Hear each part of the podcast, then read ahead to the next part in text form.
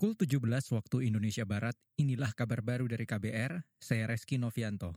Lembaga Ombudsman RI menemukan maladministrasi yang dilakukan Badan Pengusahaan Batam dan pemerintah Kota Batam pada rencana relokasi warga kampung tua di Pulau Rempang, Batam, Kepulauan Riau. Selain itu, anggota Ombudsman RI, Yohanes Widiantoro menyebut ada intimidasi dan unsur pemaksaan dalam proses relokasi meski sudah ada dialog yang dilakukan.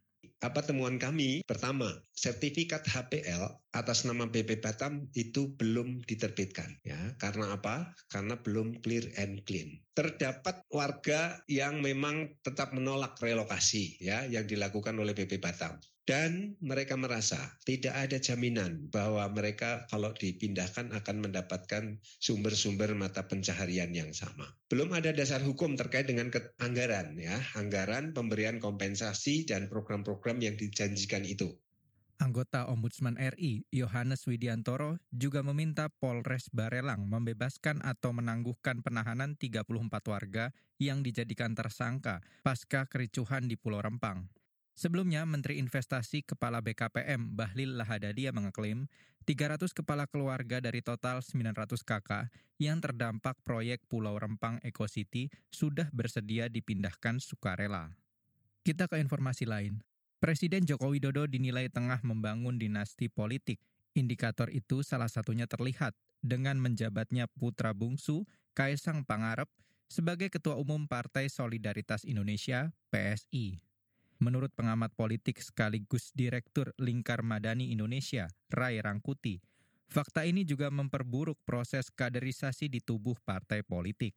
Pengkaderan itu ya banyak ragam, termasuk mereka yang punya uang, yang terus bercokol di partai, ya kan, atau mereka yang sudah sepuh di atas 75 tahun, itu masih apa namanya itu eh, berdiam diri di partai, gitu. ya banyak lah. Kalau salah satunya ya faktornya dinasti mengakibatkan proses kaderisasi tidak terjadi dengan semestinya di lingkungan partai politik. Pengamat politik sekaligus Direktur Lingkar Madani Indonesia, Rai Rangkuti menambahkan, tidak ada perlawanan terhadap upaya membangun politik dinasti untuk membuat partai berani menggusur kader-kader terbaiknya. Hal serupa juga terjadi pada konteks putra sulung Jokowi, Gibran Raka Buming Raka, dan menantunya Bobi Nasution. Kita ke lantai bursa. Nilai tukar rupiah pada penutupan perdagangan sore tadi melemah 30 poin di angka 15.520 per dolar Amerika. Sementara itu, indeks harga saham gabungan IHSG ditutup menguat 14 poin menjadi 6.937. Hampir seluruh sektor saham menguat. Penguatan tertinggi terjadi pada saham sektor energi sebesar 1,63 persen disusul sektor properti, transportasi, barang baku, dan sektor infrastruktur yang naik 0,56 persen.